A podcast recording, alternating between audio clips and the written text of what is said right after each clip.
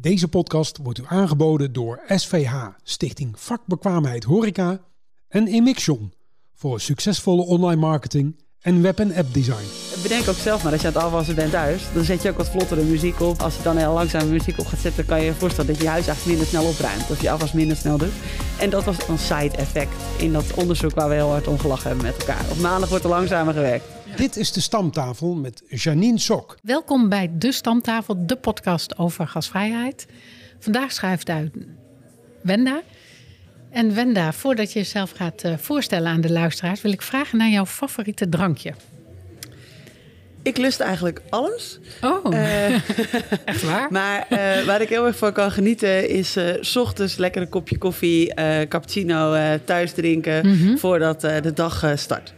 Ja, dus daar begin je mee. Dus dan is dat je favoriete drankje. Ja.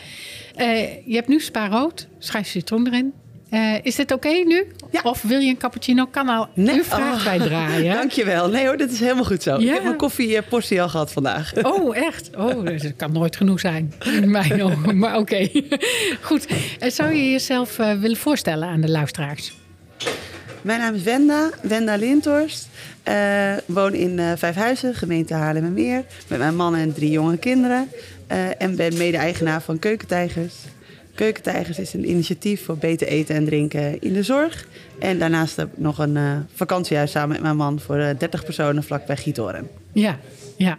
Het is heel kort en krachtig. Maar jij, um, want dat weet ik, wij kennen elkaar natuurlijk niet zo lang. Maar we hebben elkaar uh, onlangs ontmoet. Maar um, ja, wat is jouw achtergrond? Want ik, daar ben ik nieuwsgierig naar. Wat heb je gestudeerd? Wat heb je allemaal zo gedaan? Want je hebt wel iets anders gedaan voor de keukentijgers Klopt. en voor jouw ja. accommodatie. Ja. ja. Ik heb uh, hoge hotelschool gedaan in Leeuwarden. Uh, toen dacht ik, ik ga nooit meer naar school. En uh, drie jaar later ging ik nog een master doen op Nijrode. omdat ik het toch heel erg leuk vond om nog wat extra verdieping te doen. En met heel veel plezier kijk ik ook terug op allebei de studies. Toen ben ik gerold in de onderzoekswereld, eigenlijk gevraagd vanuit mm -hmm. mijn gastvrijheidsachtergrond. Van zou je eens mee willen kijken naar onze onderzoeksresultaten bij een onderzoeksbureau? En uh, willen kijken vanuit gastvrijheid wat we daar nou meer mee zouden kunnen doen om de klanttevredenheid, gasttevredenheid, patiënttevredenheid in sommige gevallen mm -hmm. te laten doen toenemen. Dat was bij uh, Mystery Review, uh, dat heet tegenwoordig HS Brands. dat heb ik vier jaar met veel plezier gedaan, waarbij mijn rol vaak was om elke kwartaal of elke periode de presentaties te geven over de resultaten en te kijken wat we daar nou mee kunnen voor de toekomst. Het was allemaal. Uh, de vragenlijst stem je natuurlijk vooraf af met de opdrachtgever. En uh, zulke organisaties hebben zelf ook heel veel expertise wat je zou moeten meten. Maar ik merkte van, ik zou ook een stuk onbewust gedrag willen meten. Dus soms mm -hmm. kom je ergens denk je, ja, het, het voelt hier heel goed of het voelt hier niet heel goed. En uh, hoe kunnen we dat nou beter onder woorden brengen? En wat zijn nou eigenlijk ook die elementen?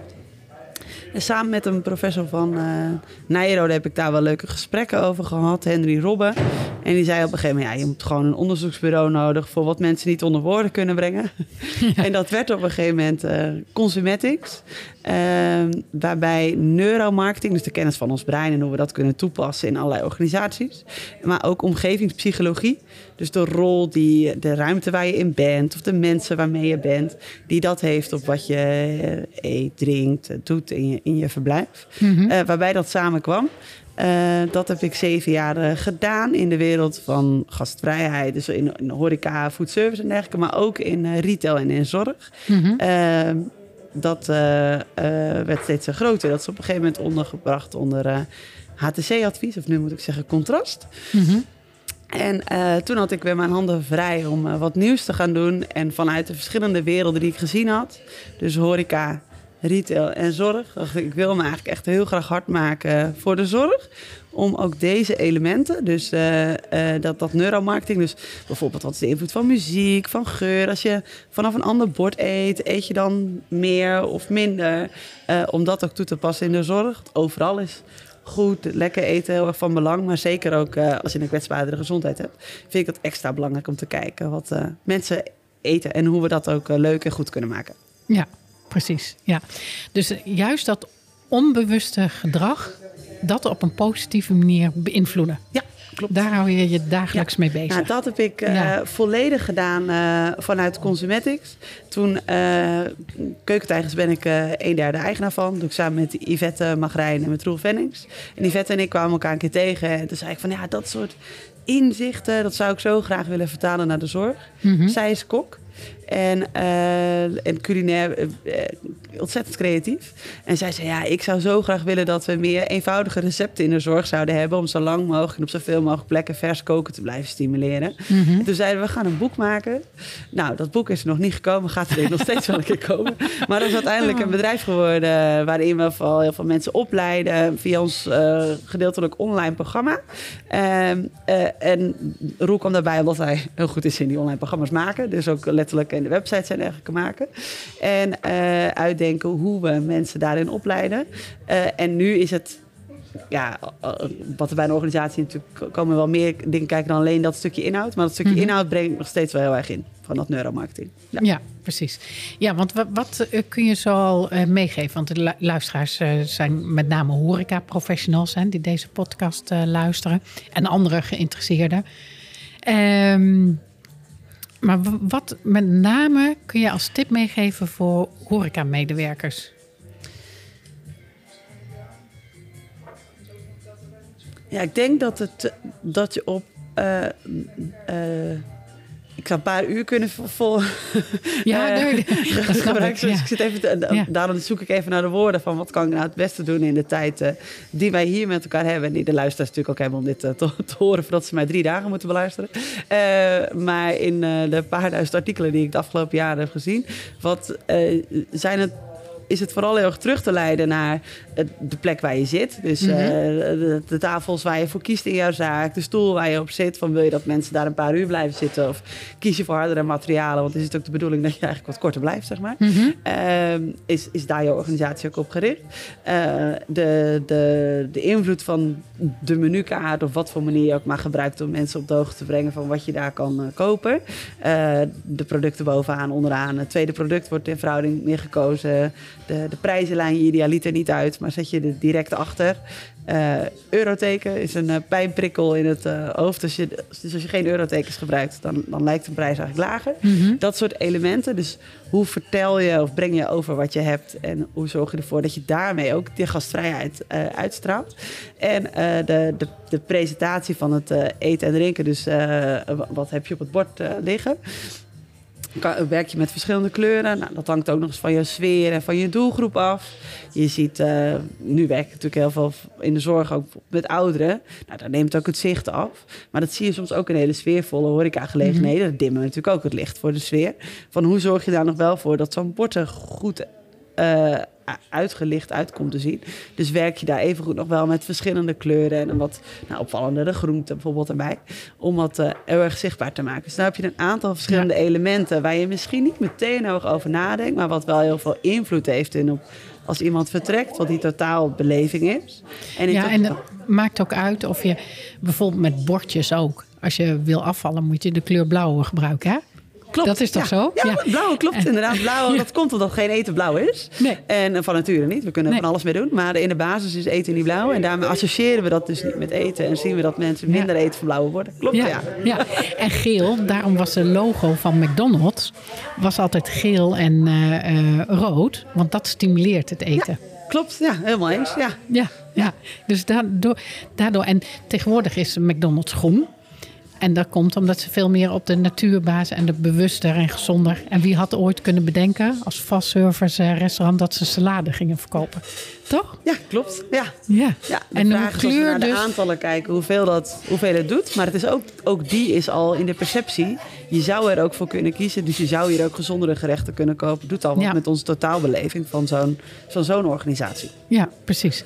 Ja, dus we hebben het gehad over de menukaart. We hebben het gehad over eh, de prestatie van het eten, de kleur en wa- wat nog meer. Ja, dus de, de, de, de plek waar je zit. Dus zoals ik me net benoemde Ja, de- van dus die, de die harde stoelen, stoelen, zeg maar. ja. Ja.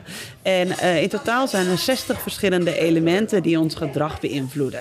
Nou, waar je natuurlijk wel eh, eh, vaker mensen ook over hoort spreken. Natuurlijk in ons vakgebied is ook de rol van de medewerker. Die is Mhm. ontzettend groot. Dus hoe benoem je zelf zaken? Nou, wat straal je uit? Dat soort zaken. Maar ook, je ziet dat mensen bijvoorbeeld als eerste eerder een tweede keuze kiezen dan de eerste. Dus als je Mhm. zegt van wilt u een tomatensoep of een uiensoep, dan kiezen mensen eerder de tweede optie, dus de uiensoep, omdat die als laatste is gehoord en eh, blijft die wat eerder eh, hangen. Ehm, maar eh, eh, ook als in de omgeving, wat is de invloed van geur en van muziek of van de kleuren die je op de muur doet. Ja. Ook die hebben heel veel invloed op, op Ja. onze totaalbeleving. Ja, want eh, eh, bijvoorbeeld, er staat nu, we hebben nemen deze podcast op bij eh, Brasserie Manna in Hotel Blue. Er staat nu rustige muziek op. Maar stel dat je een kroeg zou hebben, dan zou je het aantal beats per minuut omhoog moeten doen. Want dan zorgt voor meer consumpties. Dan gaan mensen sneller drinken. Ja, en je werkt ook. Ik heb verschillende wetenschappelijke onderzoeken naar de impact van muziek gedaan. Mhm. En het aantal beats. En op een gegeven moment was er ook een keer een keten die aan mij vroeg van welke muziek zouden we nou tijdens de lunch moeten doen. Als we Mhm. idealiter wilden dat we daar twee, twee keer hetzelfde tafeltje tijdens een lunch zouden kunnen verkopen. Nou, toen zijn we ook voor een wat snellere muziekkeuze gegaan. Waarbij er op de dagen dat er wat minder gasten komen. Dus nou, zeggen vaak zijn dat de maandag, dinsdagen. eh, zou je ervoor kunnen kiezen om wat langzamere muziek te doen. Met het idee dat mensen dan nadat ze geluncht hebben... nog wat makkelijker dat kopje koffie toe nog even doen. Ja, Wat ik toen niet heb meegenomen, maar wat we ook niet helemaal hebben gemeten... maar wat we vanuit de collega's wel terug hoorden... en misschien hadden we het als onderzoekers ook wel ergens door... het heeft ook invloed op je team. Dus Ja. bedenk ook zelf maar, als je aan het afwassen bent thuis... dan zet je ook wat vlottere muziek op. Eh, als je dan heel langzame muziek op gaat zetten... kan je je voorstellen dat je huis eigenlijk minder snel opruimt... of je afwas minder snel doet. En dat Ja. was eigenlijk ook een soort van side-effect... in dat onderzoek waar we heel hard om gelachen hebben met elkaar. Op Ja, maandag wordt er langzamer gewerkt. ja, ja. dus eh, dan kun je beter een uptempo doen als eh, Happy van Pharrell bijvoorbeeld. Ja. En dat stimuleert eh, het gedrag van mensen, actievere houding. Dat is ook waarom mensen met hardlopen, toch? Muziek opzetten en eh, dan in een bepaalde flow komen. Klopt, ja. Ja, en dan Ja. zoek je natuurlijk ook letterlijk, eh, kan je, als je die hardlooplijsten ziet, kies je ook echt die aantal beats per minuut. Ja.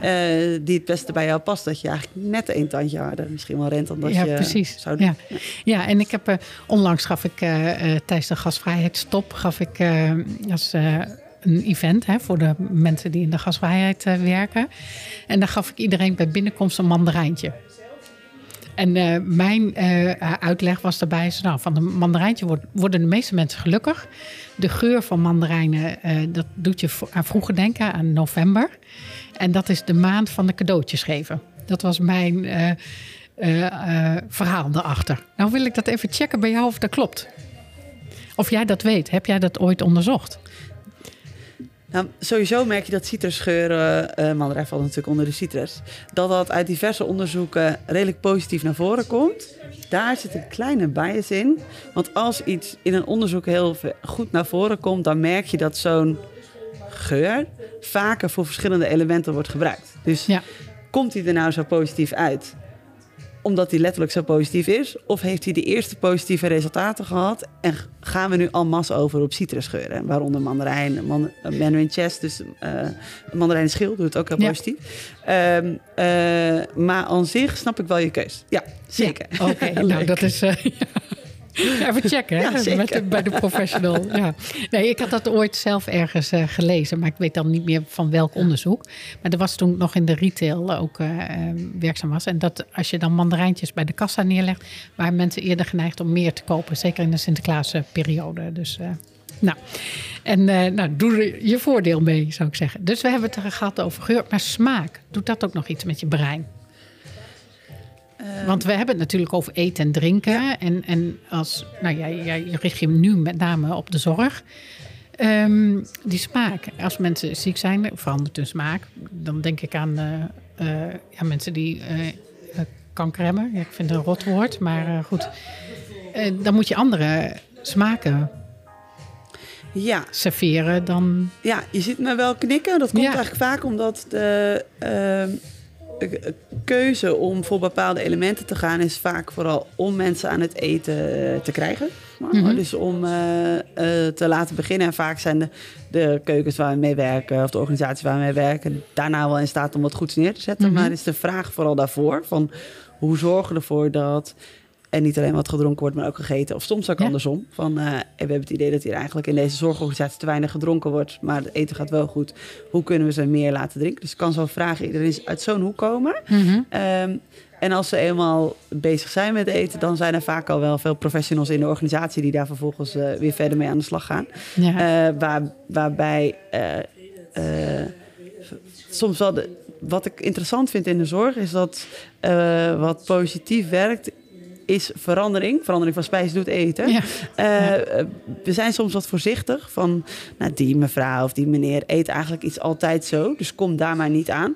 Maar wij als vreemden ja, hebben die historie niet en dan kan je er soms toch gewoon mee aan de slag van, ja, eh, vandaag doen we dadels. Nou, eh, dadels eten we niet in Engelo. Dus dan, dan is dat in eerste instantie even wat voorzichtig. Maar merk je juist ook wel dat als je zo'n verandering doet, dat ook letterlijk dat spreekwoord nog steeds wel Ja. klopt. Ja, mooi hè? Dat, dat, eh, ja. dat is iets ouds. eh, ja. Maar je had het met name ook dat juist het gedrag. Nou ja, dat doe ik natuurlijk in mijn trainingen, hè, de eh, houding en gedrag met name. Dat het gedrag van de medewerker heel bepalend is naar de reactie van de consument. Wat moet de medewerker doen? Om dat onbewuste gedrag op een bewuste manier te beïnvloeden. Ja, zijn boek over geschreven, Sion Ja. onder andere. Precies, ja. ja. Daar denk ik dan gelijk Ja. aan. Ja. Ja, die is natuurlijk moeilijk om in een paar zinnen te vatten. Ehm, ja, je ziet een aantal hele positieve dingen. Als je zelf een positieve, enthousiaste houding hebt. Daar zijn veel wetenschappelijke onderzoeken gedaan. Dat, spiegelen of mimicry, Mhm. zeg maar. Dat, eh, dat dat heel positief werkt. Mensen die altijd vrolijk zijn, hebben wat minder klachten dan... eh, zeg maar, die, die ontvangen eigenlijk minder moeilijke gasten dan eh, mensen die van nature dat wat minder over zich hebben. Dus je eigen, letterlijk je houding, laten we daar eens mee beginnen. Om, Mhm. je ziet dat dat, dat dat eigenlijk je werkdag nog een stukje makkelijker maakt. Ja, dus precies begin. eh, eh, ik zeg ook vaak in trainingen: eh, eerst goed voor jezelf zorgen en dan pas kun je goed voor een ander zorgen. Ja, klopt. Hè, als je zelf kwiek en fit bent en je hebt er zin in en je straalt, ja, dan krijg je dat inderdaad, wat je ook zegt, dan krijg je minder klachten. Ja. En het maakt het werk leuker, werkplezier. En voor je team is het ook leuker om met jou samen te werken. Ja, ja precies. Ja, ja dus dat- dat is een stukje positiviteit, is dus een beïnvloedingstechniek. En je gedrag dus spiegelen. Dus eigenlijk, dat is ook eh, een van de redenen waarom je meer fooi krijgt. Hè? Als je dus het, de houding van de gast dus kopieert, dan krijg je meer fooi. Ja, Ja, dat dus, klopt. Ja. Dus stel, eh, een gast doet, eh, die kriebelt aan zijn hoofd, zeg maar. Als je dat dan kopieert, voelt de gast zich meer begrepen. Ja, dus eens. daarin kun je dus daarin. En wat nog meer?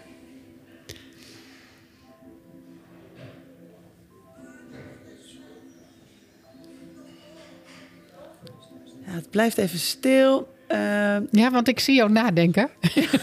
dat is voor de luisteraars misschien ongemakkelijk, maar dat is helemaal niet ongemakkelijk.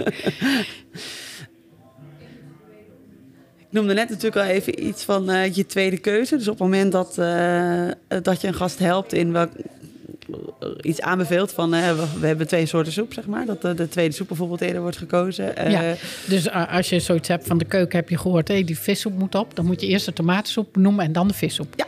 Mits je natuurlijk liefhebbers hebt voor vis. Ja. En daarmee ben je dus ook als medewerker van de bediening een regisseur.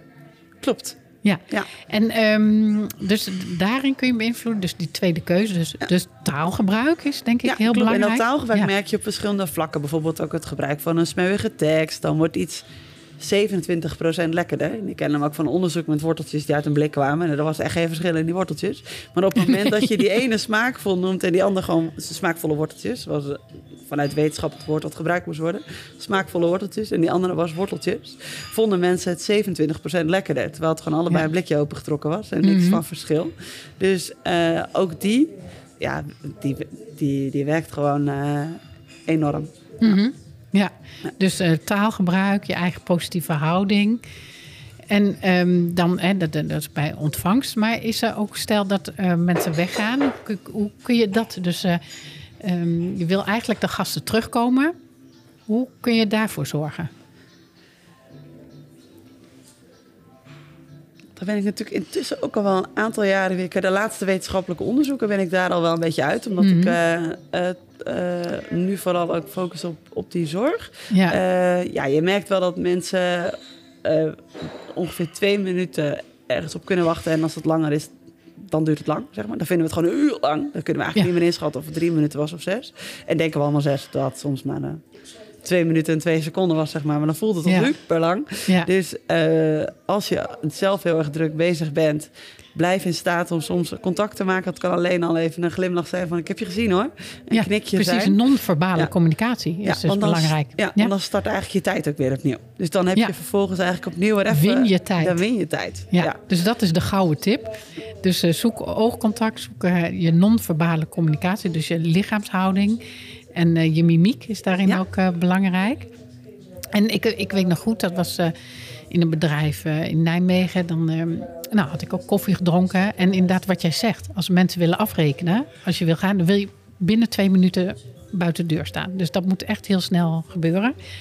En ik weet nog goed dat die jongen, die was, bezig, was alleen. Die was bezig met koffie zetten.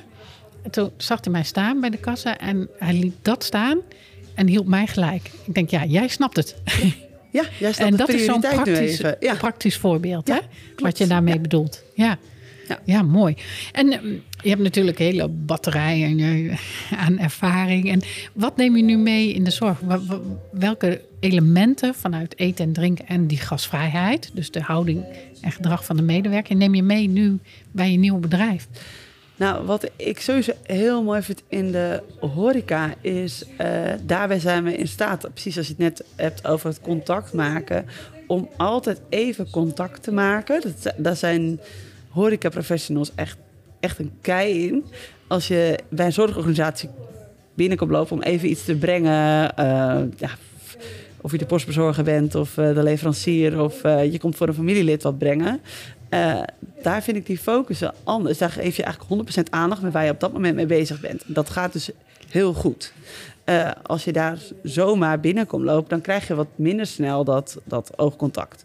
Ehm, Ja, dat klopt. Ik, ik, geef ook af en toe training in de zorg. En dan zeg ik ook, eh dat staat in mijn mystery-verslag... eh, de medewerker is taakgericht, niet gastgericht. ja, Dat is precies als je wat die je met dat aandacht hebt, dan ben je er, ja. precies ja. Dan krijg je hem voor 100%. Dat is wel weer iets heel moois. Ja, eh, maar dit stukje van hoe kunnen we die, die gastvrije houding van u mag er zijn. Ik geef even meneer of mevrouw eerst dit of dat, dan kom ik bij jou. Dat zouden we nog wel wat meer mee kunnen nemen. Nou, dat is zorg. En je ziet ook wel dat... eh, ja, je ziet wel soms gastvrouwen, woonkamerbegeleiders... die in het verleden in de horeca hebben gewerkt. Dat zie je meteen. ja. Weet je, oh, wat, wat heerlijk hoe die dit stukje heel goed... eh, ja, die hebben dat gewoon van nature al onder de knie. Ja. Eh, dat vind ik een, een hele mooie qua rol van, ja, van medewerkers. En in die elementen die ik daarvoor ook noemde, dus van eh, welke sfeer zet je neer, eh, hoe, hoe presenteer je eten, welke geur heb je, doen we wel of niet muziek op de achtergrond. Dat zijn vaak elementen die in de langdurige zorg, dus mensen, eh, daar zit een verhouding meestal ouderen of mensen met verstandelijke beperking, een klein Mhm. stukje mensen met een, vanuit GGZ revalidatie. Uh, daar is in verhouding iets minder aandacht voor. Kijk, we zitten nu in een prachtige bar. De prachtige, overal Mhm. over nagedacht is. We met mooie lampen zitten, mooie tafel. Alles is, is voor elkaar. Terwijl, eh, mocht je dit eh, eh, weekend bij een ouderenzorgorganisatie komen... dan ja, oogt het wel iets anders. Eh, ja zeker. eh, uitzonderingen dagen later trouwens hoor. Ja. Je ziet ook wel hele mooie voorbeelden. Maar eh, eenvoudige elementen van... oh ja, zouden we de tafel iets bewuster kunnen dekken? Ja. Kunnen we even iets kleins op tafel zetten... om nog wat extra wat sfeer te maken? Dat kunnen we ook wel wat extra meebrengen in de zorg. En daarmee kunnen we ons als gastvrijheidsprofessionals ook onderscheiden... maar ook de zorg heel erg helpen. En daar Ja. zet ik heel graag voor in. Ja, want ik heb wel eens meegelopen, inderdaad, in zo'n restaurant waar je dan ook. En dan werd gewoon bestek op tafel geknald. Servetjes waren slordig gevouwen of desnoods nog een beetje verkrummeld. En ik dacht, ja, dat kan toch niet? Dus je, dan gaat je eetlust toch al ver- verloren. Zo, je moet het gezellig maken en sfeervol. En, en er was de hele discussie over brandende kaarsjes en verse bloemen, weet je wel. En dan was verse bloemen zo'n grote kostenpost. Ik zei, ja, maar het is wel eh, veel mooier en veel, eh, ja, dat doet iets met je. Echte bloemen of kunstbloemen. Ja, Of een brandend kaarsje of zo'n nep dingetje op een batterijtje. ja. Maar ja, dat is dan weer met brandveiligheid. En veiligheid is in de zorg natuurlijk een basis. Maar hoe, hoe zie jij dat? Of hoe is, weet je dat nog? Dat, dat je hebt onderzocht. Maakt dat nou zoveel uit? Of moet ik dat voortaan maar laten zitten? Die, dat, dat stukje van verse bloemen en een brandend kaarsje. Ehm, je ziet dat hier wel wat verschillende stromingen in de zorg in zijn. Uh, en voor iedereen is ook een plek, denk ik. Dus dat, dat, hangt wel van, van de doelgroep af. Maar we moeten anders naar de zorg gaan kijken. Want hij is niet houdbaar zoals hij nu is. Dat, dat, dat hoor je iedereen eigenlijk wel zeggen. Van het, het aantal mensen wat op dit moment nog werkt in de zorg... ten opzichte van de, van de bewoners, cliënten... is eigenlijk al natuurlijk veel te krap. maar dat wordt alleen nog maar meer met de toenemende dus vergrijzing. Dus we moeten... werkdruk is heel hoog. Ja, ja, sorry dat ik je onderbreek. Ja, dus we moeten daar op een andere manier naar gaan kijken. Waarbij je ze nog meer als een huis zal moeten inrichten waar zorg nodig is. In plaats van het is een zorghuis. Uh, waar we hier en daar wat gastvrijheid in brengen. Moeten we echt meer naar een, nou, noem het een hotel of een, een, plek waar je gewoon gastvrij wordt ontvangen. Ik zeg gewoon, omdat wij hier luisteraars, wij weten dat dat normaal is. Maar uh, waar je gewoon gastvrij wordt ontvangen en waar de zorg komt als je dat nodig hebt. En als je het vanuit die kant insteekt, dan denk ik ook, ja, dan, dan kunnen hotelmanagers, uh, facilitair specialisten die nu al in de zorg heel veel eh, werken, ook in, of in de, in de horeca werken, ook in de zorg daar een hele actieve bijdrage aan leveren. En gewoon zien van, oh, meneer of mevrouw heeft zoveel uur per dag zorg nodig, of heeft deze elementen nodig in haar dag dat moeten we organiseren. Maar de rest van de tijd is dit gewoon een heel gastvrij huis. Mhm. En als je op die manier daarnaar kijkt, dan mogen die verse bloemen wel. En uh, je ziet ook bijvoorbeeld, zoals een uh, uh, Nijsmellingen, een ziekenhuis in, in Dracht, wat ik een heel mooi voorbeeld vind. Die zegt, wij hebben een hele mooie keuken. Die hebben 24 uur per dag. We hebben wat piekmomenten. Maar de andere tijd, hoe kunnen we hem dan nu nog veel beter gebruiken? Er zit een school naast. En dan, het zorgt ook voor dat u het eten en drinken van de school doet. Hij doet nu afhaalmaaltijden. En het is gewoon een levendige en drinkomgeving voor de hele dag, waar ook het ziekenhuis eten krijgt. En als we zo meer naar die ruimtes kijken, dan, eh, mhm. dan mogen die verse bloemen zeker. Ja, precies, want dat levert uh, wel wat op. Ja. Mm Geluksmomentjes. Ja. Ja, en als het welzijn van uh, de gasten of de bewoners, of jij, ja, allemaal cliënten. Maar goed, van de mensen als het welzijn omhoog gaat, dan kost uiteindelijk de zorg ook minder.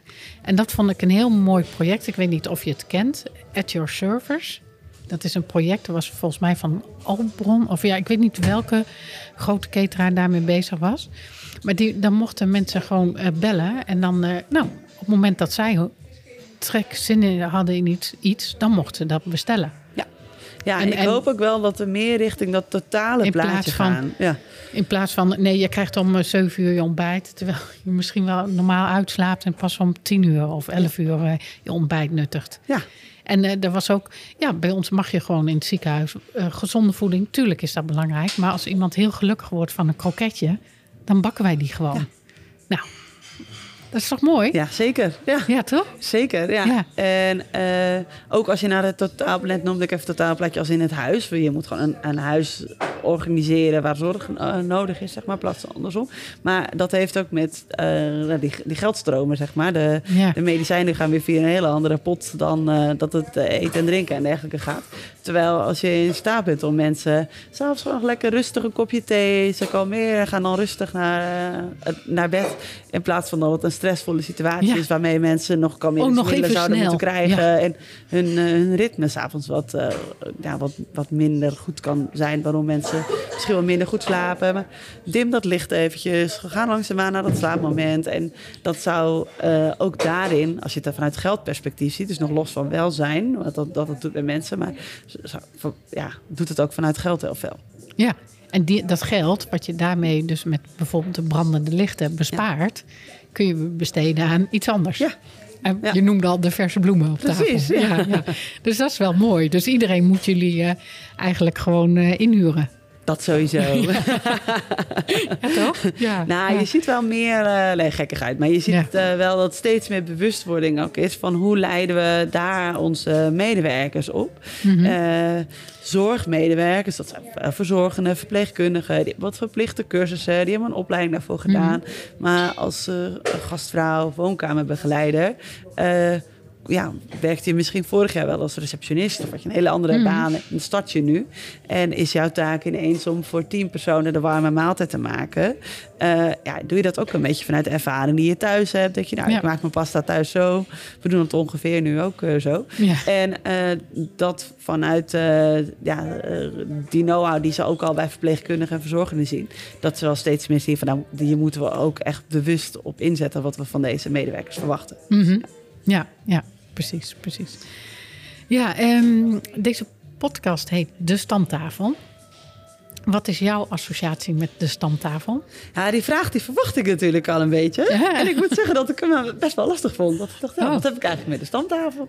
Eh, kijk, aan zich, eh, hoe, kan, hoe kan ik deze uniek beantwoorden? Ik denk dat we hier allemaal wel een, eh, een associatie hebben. die uniek beantwoorden, Ja, precies. Die Ja, hebben we al gehoord. Die zei die mevrouw vorige week ook. Maar dus aan zich natuurlijk gewoon de gezellige centrale plek waar je, waar je welkom bent, waar je aan kan schuiven, waar je ook eh, bijzondere nieuwe ontmoetingen hebt. En dat is in dit geval natuurlijk ook dat, dat ik vanuit een nu intussen andere hoek, meer vanuit eh, de zorg, misschien ook weer ideeën voor de wereld van eh horeca geven en andersom. En dat ik ook wel hoop dat we die ja, kruisbestuivingen de komende jaren nog meer met elkaar gaan hebben. Dus die stamtafel doet ook bijzondere, verrassende ontmoetingen. Ja, precies. Dus eh, waar het kan, dan ga jij een stamtafel introduceren Precies, bij de ja. zorg. Zo schuif aan. Ja. Kleef aan. En, eh, helemaal, helemaal leuk. Ja, eh, ehm, maar je hebt zelf natuurlijk ook in de horeca gewerkt. Kei en keihard. Ja. Toch? Ja, zeker. Ja, tuurlijk. Ja, en als je dan terugkijkt, wie, wie was jouw leermeester? Ik kan echt uit heel veel verschillende mensen mijn, eh, mijn inspiratie halen. Dus dat eh, eh, kan van een restaurant-eigenaar die echt heel eigen, op, op zijn eigen manier zo horecazaken runde zij met ja, altijd hele gekke nagerechten. Dus die zei, ja, up, we moeten heel gekke nagerechten doen. Dan blijven mensen nog weer hangen. Dus bij wat de Ranja... Mijn Sofietje, Ranja met een rietje. Eh, Oh, ja, ja, ja. Maar, eh, Ranja met een rietje. Ja, wel, Mijn ja, Sofietje. die, ja, ja. Op een Maar- Amsterdamse terras. Die. ja, dat we een nagerecht hadden bij, eh, dat was het eh, restaurant eh, De Dikke Bries in het noorden van Noord-Holland. Maar dan moesten we altijd een, een sorbet met een heel lang rietje erin stoppen. En dan moest je altijd snel dat liedje aanzetten en dan naar de tafel toe lopen. Zodat we daarmee ook, dat, dat hele restaurant wist, oké, er gaat weer zo'n sorbet met zo'n lang rietje uit, zeg maar. Als je vaak Ja, maar het is wel leuk. Maar dat was heel leuk. Ja. Dat, die elementen vond ik heel leuk. Eh, ik heb ook een tijdje een horeca-uitzendbureau geweest. Dan, Mhm. dan eh, gewerkt. Dan, dan zie je allerlei verschillende eh, organisaties. Ja. Ja, van die familiebedrijven al jarenlang met elkaar de schouders op werd gezet. Ja, dat vond ik ook fantastisch. Dus het is Ja. wel verschillende En dat doe je je nu zelf ook. Ja. Met je accommodatie. Ja, klopt. Ja, Dus ook ja. met de familie Samen hoor je met dat, mijn man hè? en schoonmoeder. Ja. Ja. dat is toch fantastisch. ja, dat is echt maar heel daar leuk. neem je dus al jouw kennis neem je mee in dat bedrijf, lijkt mij. Ja, het is ontzettend leuk om En zelf ook die gastvrijheid te kunnen geven. De, het is eh, vakantiehuis De Eikhoorst is voor 30 personen eh, een vakantiehuis. Dus waar vooral op vrijdag eh, families komen. Dus opa en oma met drie kinderen. En die hebben dan bijvoorbeeld een aantal eh, kleinkinderen. En door de week komen er zorggroepen of inderdaad wat bedrijven. Dus wij doen op, op afstand. Want ik- Keukentijger is op zich de, de hoofd eh, Ja, eh, ja. zeg maar, Ja. waar ik mee bezig ben. Maar ben je op afstand altijd wel met de gasten, boekingen, de administratie, eh, de, de marketing bezig. En het in- en uitchecken wordt door mijn eh, schoonmoeder gedaan en door andere collega's die ook het, eh, het schoonmaken en het klaarmaken van het huis en tuin doen. Eh, maar het is ontzettend leuk om ook aan het begin dat we het interieur aan het maken waren. Dus, ja, die kleuren moeten daar, Ja. dat moet daar. En eh ronde En dat werkt, hè? tafels. En Ja. ja. Ja, Ja. precies. Ja. Ja. ja, want deze stamtafel is rond. Het Ja. is een klein tafeltje. Eigenlijk niet zo'n stamtafel, maar toch. Eh, hoe vond je deze stamtafel? Ja, ontzettend leuk. Ja, ik moet bekennen dat het mijn eerste keer is dat ik eh, in een podcast ben. Dus dat is sowieso wel heel erg leuk om dat eh, Ja. een keer mee te maken. Ja, nou mooi. Ehm, als je dan hebt zo van, oh Janine, die zou je echt moeten uitnodigen. Of mogen ook meerdere mensen zijn die aan de stamtafel plaats moeten nemen. Had ik van tevoren niet gezegd. Maar misschien heb je iemand in gedachten. Ehm, ik zou zeker een keer met eh, eh, Pim Pelsen, heb je die al een keer gehad? Nee. Niet? Pim Pels zou ik zeker een keer uh, uitnodigen. Uh, creatief, uh, conceptueel denken en kan heel wat brengen ook aan, aan, de, aan de luisteraars denken van deze podcast. Niek van der Adel, die zou ik zeker ook een keer uitnodigen om Oké. Ja, in deze podcast te komen. Nou, de, de, we gaan de nummers uitwisselen. En dan uh, uh, voor nu ontzettend bedankt. Ik wil nog heel veel vragen stellen. Maar oké, okay, uh, we gaan nog heel lang even proosten en toosten op de gasvrijheid. Maar ontzettend bedankt dat je aanschoof. Helemaal vanuit het westen naar Nijmegen gekomen. Dus helemaal top. En voor de luisteraars bedankt voor het luisteren. En graag tot de volgende keer. Hartstikke bedankt voor de uitnodiging. Succes ook bij deze podcast. Leuk. Dankjewel. Hoe gasvrij ben jij? Dat is de titel van mijn boek. Wil jij actief aan de slag met gasvrijheid in jouw bedrijf? Dan kan ik je helpen middels training en coaching in een gasvrije houding en bijpassend gedrag van je team. Kijk voor meer informatie op de website www.gastologie.nl. Dit was de stamtafel voor deze week. Wij praten en proosten nog even door over de gasvrijheid. De redactie en productie van deze podcast is in handen van Gastologie in samenwerking met Wouter Loeven. Deze podcast wordt u aangeboden door SVH, Stichting Vakbekwaamheid Horeca en Emixion voor succesvolle online marketing en web- en appdesign.